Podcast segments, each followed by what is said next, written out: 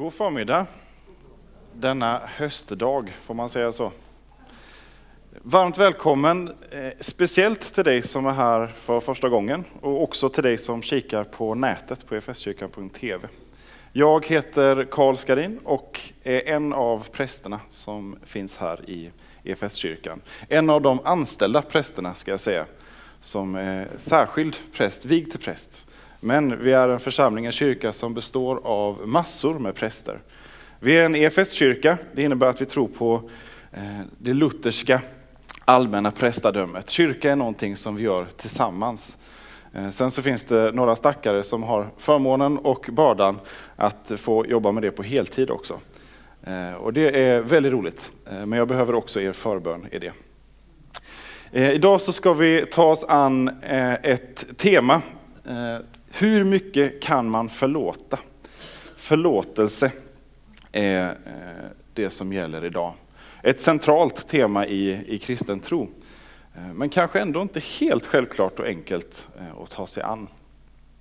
Det finns en del forskning som har bedrivits på vad förlåtelse gör med oss och att vara... Ja, hur, hur mår människor av förlåtelse eller av brist på förlåtelse? Eh, och då har det visat sig att eh, de människor som har eh, ganska lätt att förlåta människor och som, som är snabba med att ta itu med, med konflikter och att, att arbeta för att lägga det åt sidan, är, mår bättre, är gladare, men är också friskare rent hälsomässigt. Och på samma sätt så oförsonlighet och Eh, där det finns eh, svårt att förlåta, det påverkar hälsan och, och allmäntillståndet eh, negativt. Så forskningen säger att förlåtelse är någonting positivt och någonting vi mår bra av. Men vet ni vad TV4 säger? TV4 säger att förlåta någon är något av det svåraste som finns. Eller att be om förlåtelse framför allt, det är någonting av det svåraste som finns. Det finns ett program som heter Förlåt mig, jag vet inte om det är någon som har sett det. En nyinspelning av ett gammalt program, jag har bara sett det gamla som gick på 90-talet eh, någon gång. Förlåt mig. Ganska så eh, Eh, Ehm, jag vet inte, nästan lite obehagligt program för man kommer väldigt nära människor och så ganska amerikansk uppsättning i, i rutan och man lyfter fram människors konflikter i tv-rutan där de får eh, be om förlåtelse och eh, i någon mån kanske försonas. Ehm, jag säger inte mer om själva programidén, men eh, TV4 nu i sin nyinspelning i alla fall slår fast att det är någonting av det svåraste som finns. Det här med förlåtelse. Vad är då förlåtelse. Det, det här ordet förlåt, är det någon som vet vad det betyder? Var det kommer ifrån? Det är ett gammalt svenskt ord. Har säkert sitt ursprung i ytterligare något annat språk. Eh, men tidigare så använde vi det inte bara för att säga förlåt, utan eh, det är ett ord som betyder att täcka över eller att Eh, att, glömma eller lämna ifrån sig, eller välja att glömma kanske snarare. Eh, att, eh, att lämna, att överge eller täcka över. Det är vad, vad ordet kommer ifrån och så har det fått komma att betyda någonting som vi gör i också relation till, till varandra och som Gud också gör i relation till oss. Och det kanske kan hjälpa också att fundera lite på vad förlåtelse inte är. För jag tror att en sak som, gör, som ställer till det lite för oss är att vi kanske också blandar ihop förlåtelse med, med andra saker som, som kan ligga nära men som ändå inte riktigt är det som är förlåtelse. Förlåtelse är inte eh, att ha överseende. Alltså att säga att äh, det, det är inte så noga, det spelar ingen roll. Det, det är inte det som är förlåtelse. Eh, det förlåts inte heller att, att ursäkta, att hitta bra anledningar till att, eh, att det gick fel. Och hitta liksom förklaringen till det. Eh, det är inte heller att förtränga, att liksom tvinga undan det man känner eller det man har upplevt. Det är inte det som är att förlåta, att, att trycka det undan. Det är inte heller ett benådande i säga, en juridisk eh, mening. Eh, för förlåtelse handlar om, om någonting som vi gör i relation till någon annan. Sen så kan det mycket väl vara någonting som är, är gjort och som kräver gottgörelse och, eh, och konsekvenser och, och straff. Så det är inte heller benådandet som är förlåtelse. Och eh, det sista som kanske är det som vi oftast knyter ihop med förlåtelse, men som faktiskt inte är eh, förlåtelse, det är att försonas. Eh, Försonas kan mycket väl vara en god frukt av förlåtelse och någonting som kommer av eh, förlåtelse. Men, eh, men det är inte förlåtelse. Försoning är någonting som när relationen får byggas vidare efter just det här mötet som sker i, i förlåtelsen. Så jag vet inte om ni blir klokare, men vi, ska, vi gör så här, vi slår upp Bibeln istället. Så, så får vi något gott Eh, därifrån. Vi ska läsa i eh, Matteus 18. Eh, där så får vi möta Jesus och lärjungen Petrus som ställer honom en fråga. Och då så läser jag från Matteus 18, vers 21 och framåt. Då kom Petrus fram till honom och sa, Herre, hur många gånger ska min broder kunna göra orätt mot mig och ändå få förlåtelse av mig? Så mycket som sju gånger?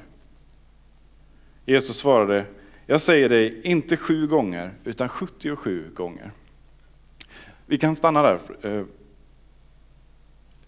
Här så frågar Petrus någonting, ska, ska jag förlåta min broder? Hur många gånger? Hur mycket eh, kan jag förlåta?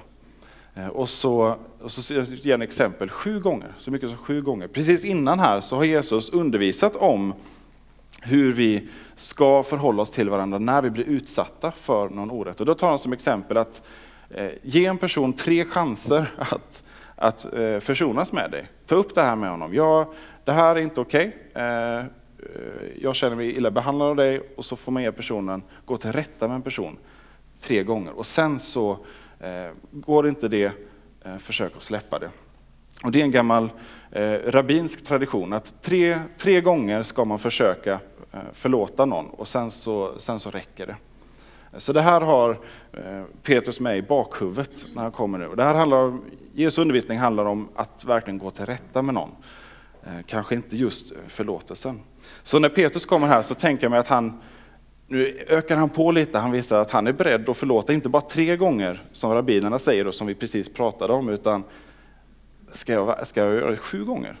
Så Petrus visar liksom här att han, han är ganska generös eh, av sig ändå. Han kan tänka sig sju gånger, sen, sen kanske det kan vara nog. Och vill kanske ha Jesus bekräftelse på det. Och så svarar Jesus inte sju gånger utan 77 gånger. Eller en annan möjlig översättning, sju gånger 77. Alltså inte mm, kanske i eh, matematiskt så många gånger, utan ett uttryck för det finns ingen övre gräns. Och så ger eh, Jesus en liknelse här för att förklara varför det här är så viktigt. Därför är det med himmelriket som när en kung ville ha redovisning av sina tjänare. När han började granskningen förde man in en som var skyldig honom 10 000 talenter. Det är i dagens värde ungefär en eh, miljard dollar. Eftersom han inte kunde betala, det säger sig självt, eh, befallde hans herre att han skulle säljas tillsammans med sin hustru och sina barn och allt han ägde så att skulden kunde betalas. Tjänaren kastade sig då ner och bönföll honom. Ge mig tid så ska jag betala allt sammans. Då kände hans herre medlidande med honom och lät honom gå och efterskänkte hans skuld. Men när tjänaren gick därifrån mötte han en annan tjänare som var skyldig honom hundra denarer. Det är ungefär eh, hundra dagslöner. Sen, eh, vad blir det? Fyra månadslöner. Han grep honom strupen och sa, betala tillbaka vad du är skyldig. Den andra kastade sig ner och bad honom, ge mig tid så ska jag betala. Men han ville inte utan gick därifrån och lät, honom, lät sätta honom i fängelse tills skulden var betald. När de andra tjänarna såg vad som hände tog de mycket illa vid sig och talade om allt sammans för sin herre. Då kallade denne till sig tjänaren och sa, din usling, Jag efterskänkte hela din skuld när du bad mig om det. Borde du inte ha varit lika barmhärtig mot din kamrat som jag var mot dig? Och i sin vrede lät hans herre bödelsedrängarna, bödelsdrängarna ta hand om honom tills hela skulden var betald. Så ska min himmelske fader göra med var och en av er som inte av uppriktigt hjärta förlåter sin broder.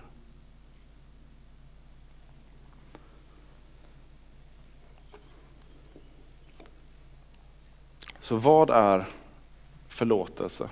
Hur mycket kan man förlåta?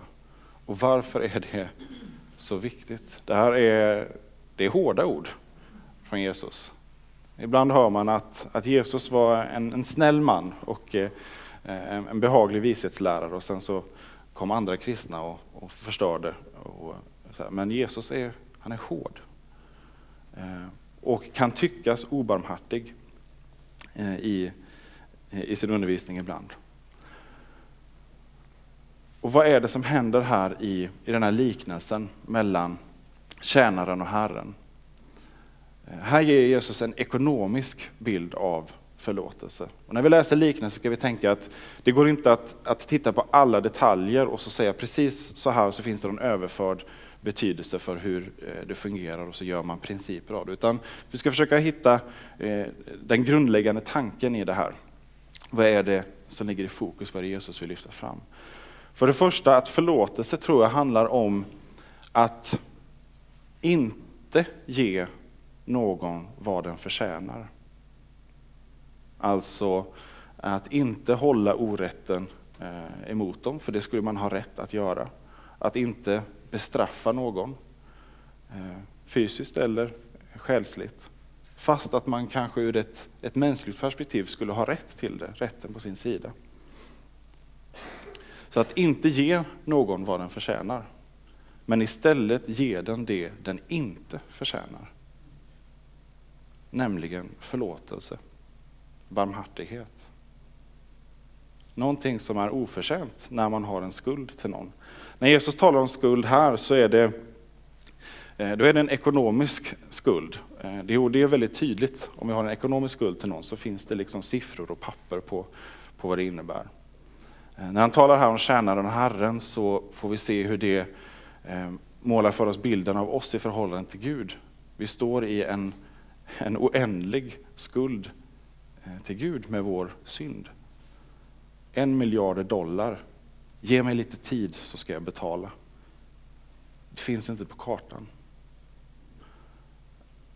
Men Gud håller inte på sin rätt. Han ger oss inte vad vi förtjänar, utan han ger oss det vi inte förtjänar. Nämligen förlåtelse. Och han förväntar sig också att vi följer honom i det. Och det här är inte bara en, en god princip, en, en, en idé som Gud har, utan det här är, det är någonting grundläggande för Gud. När vi lär, det här är inte ett av få ställen i Bibeln som handlar om förlåtelse. Bibeln är full av exempel på hur Gud förlåter. Och det står att Gud är sen till vrede, men snar att förlåta. Så han lägger sin vrede åt sidan. Eh, och han, det är inte som att han behöver kämpa för det, utan det ligger liksom i hans karaktär att vara barmhärtig och att vara förlåtande. Eh, hela hans närvaro i mänskligheten är, tyder på det. Att han vill ha med oss att göra. Han är beredd att förlåta oss. Ehm, i eh, templet. Centrumet för, för Guds närvaron i templet, inne i det allra heligaste. Platsen där Guds närvaro vilar. På förbundsarken. Locket på förbundsarken. Någon som vet vad det heter? Nådastolen. Gud vilar liksom på nåd. Han sitter där på nåd. Det är som essensen i Guds väsen, det är nåd och barmhärtighet. Gud älskar barmhärtighet, Gud älskar förlåtelse. Och därför så är det också det han, eh, han låter vara historiens mittpunkt när han blir människa, Jesus Kristus, och tar vår skuld. Skuld är inte bara något ekonomiskt, utan vi kan ha skuld till, till Gud och till varandra eh, genom olika saker vi, vi gör och säger som sårar och som, eh, som förstör relationen till Gud och till, till varandra. Den skulden, står det, det skuldebrevet är uppspikat på korset, Jesu kors. Vår skuld gentemot Gud är övertäckt, eh, överlämnad till honom.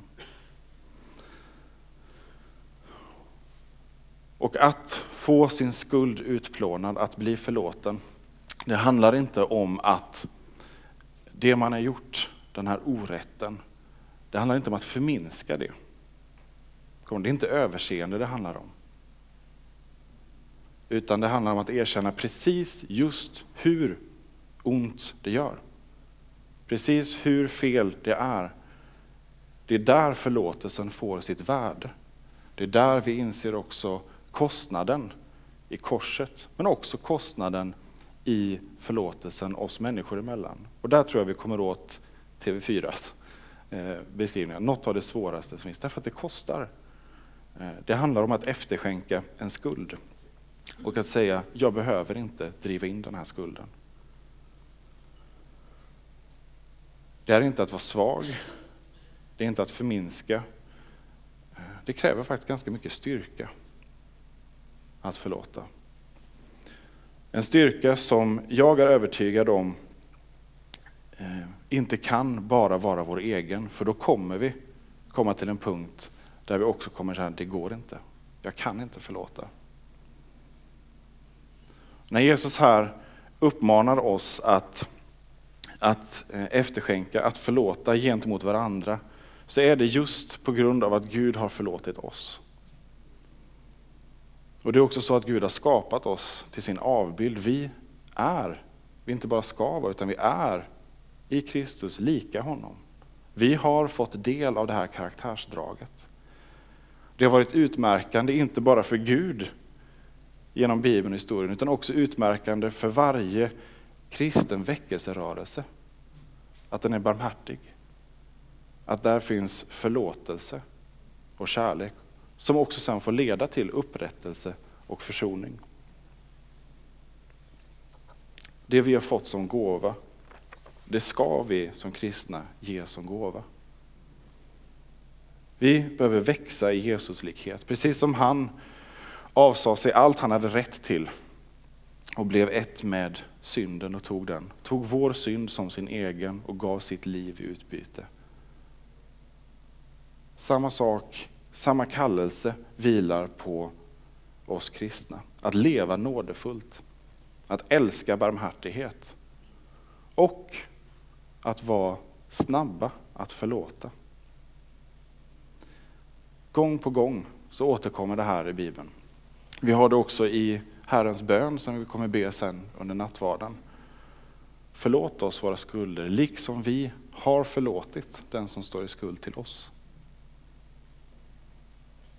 Det finns ett tätt samband där mellan att ha eh, vetskapen om att Gud har förlåtit mig, alltså ska jag också förlåta den som har gjort mig orätt. Och återigen, jag vill verkligen understryka det här. Det handlar inte om att förminska det som har hänt. Det handlar inte om att ha överseende med det. Utan det handlar om att ta ställning till det och välja vad gör jag av det här. Vi behöver kanske skilja där mellan ovilja och oförmåga ibland också. Eh, oviljan att förlåta, det som gör att man, man håller kvar vid sin rätt eh, att, eh, att tycka illa om någon eller att, eh, att påminna personen om eh, det som, som den har gjort. Det blir som ett, ett gift och det är så att den som det drabbar hårdast faktiskt är en själv. Eh, det blir en, en bitterhet, någonting som, som gnager. Eh, och som, eh, som till slutändan också drar oss bort från Gud. Det för, förhärdar våra hjärtan. Så vår ovilja att förlåta, den måste vi ta itu med och gå till korset med. Grip tag i korset. Känner du att du har ovilja att förlåta någon, så för Guds skull och din skull, överlämna det till Gud. För som jag sa, det krävs styrka att förlåta, men den styrkan kan inte vara vår egen bara. Därför att vi är människor med vår ofullkomlighet, med vår synd, som lägger sig i vägen för det här. Därför behöver vi överlämna det till Herren, som har förlåtit oss, som har skapat oss och som har lovat att leda oss och bära oss i det. Och samma sak med, med oförmågan, där viljan finns, eh, men jag kan inte. Eh, det är för, eh, det är för, för upprört, det är för eh, trasigt. Kom till korset där också, men be om helande. Och be om hjälp och be om styrka. Att få bli befriad från den bördan som, som den smärtan innebär. Och be om, om Guds hjälp. Be om Guds hjälp att förlåta. Att välja att jag ska inte hålla på min rätt. Gud, du som har förlåtit mig, nu överlämnar jag det här till dig. Och här blir skillnaden mellan förlåtelse och att försonas tydlig. För det är så att du kan förlåta någon utan att ens ha med den personen att göra. Rent kommunikationsmässigt. Det här är ditt hjärta det handlar om. Vad håller du vid liv i ditt hjärta?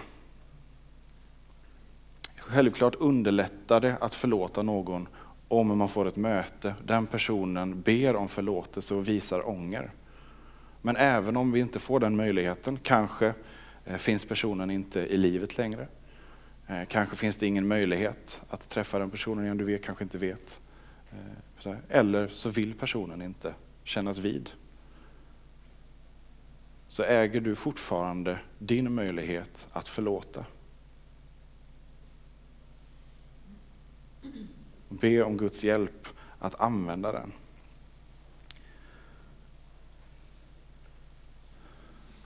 För om det är så att, att be om förlåtelse och att uppriktigt ångra sig är någonting som lättar hjärtat, så är det så att också uppriktigt förlåta någon och att överlämna det i Guds händer lättar hjärtat på precis samma sätt skulle jag vilja säga.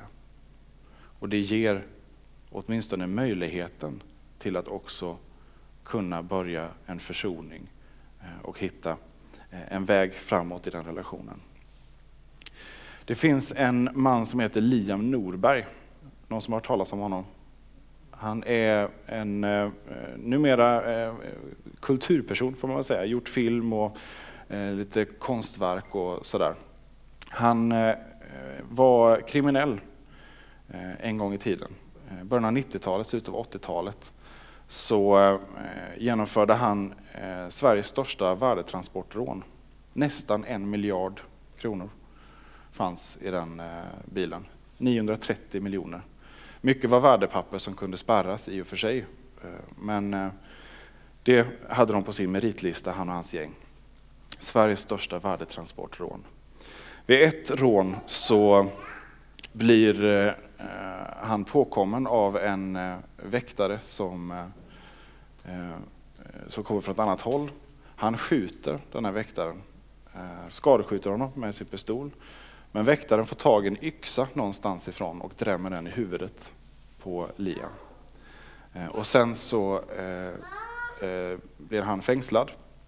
Han sitter i fängelse där i fängelset får han besök av kristna eh, besöksgrupper som lämnar Bibeln till honom. Han blir kristen. Eh, efter ett antal år så kommer han ut eh, och han har då bestämt sig för att nu är det ett helt annat liv eh, som gäller.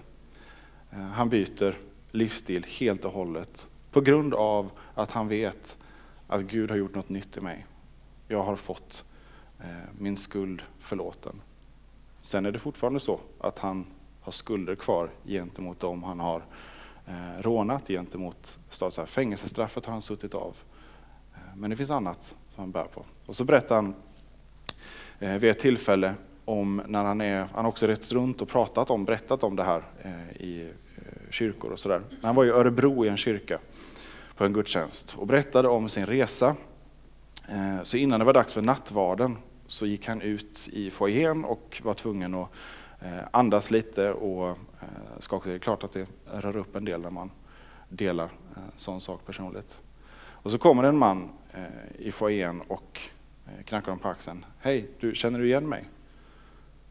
Ja, jag är väktaren som du sköt. Då har han också blivit kristen. Och har då sett att Liam ska komma till det här mötet och prata, så han går dit. Och där i foajén så får de be om förlåtelse och de får ge förlåtelse. Och sen så får de gå in till nattvarden tillsammans. Och de får bygga försoning. Jag vågar lova att den försoningen, den förlåtelsen hade inte varit möjlig om de inte också var för sig hade fått lämna det här till Herren och få ta emot av honom. Genom Jesus så blir det möjligt för oss det som i mänskliga ögon är helt omöjligt, det som i mänskliga ögon är oförlåtligt, det som i mänskliga ögon inte går att läka. Det finns möjlighet när vi går till Gud med det. Att inte ge det som någon förtjänar, utan istället ge det de inte förtjänar. Hur mycket kan man förlåta? Det allmänna svaret, det finns ingen övre gräns. Men när det kommer till kritan så är det en fråga mellan dig och Gud. Vi ska strax fira nattvard. Eh, innan vi gör det så eh, tar vi en stunds tystnad eh, innan vi tar oss till syndabekännelsen. Eh, och ta och fundera på, eh, finns det någon som jag behöver be om förlåtelse till? Eh, finns det någon som jag behöver förlåta? Och är det så att den personen finns här, har du möjligheten, gör det gärna innan nattvarden. Så att du kan gå fram till nattvarden och där, när du önskar frid till dem du har, känna att du har frid eh, med dem. Återigen, försoning får komma efterhand. Men ta möjligheten att, att ta ett steg.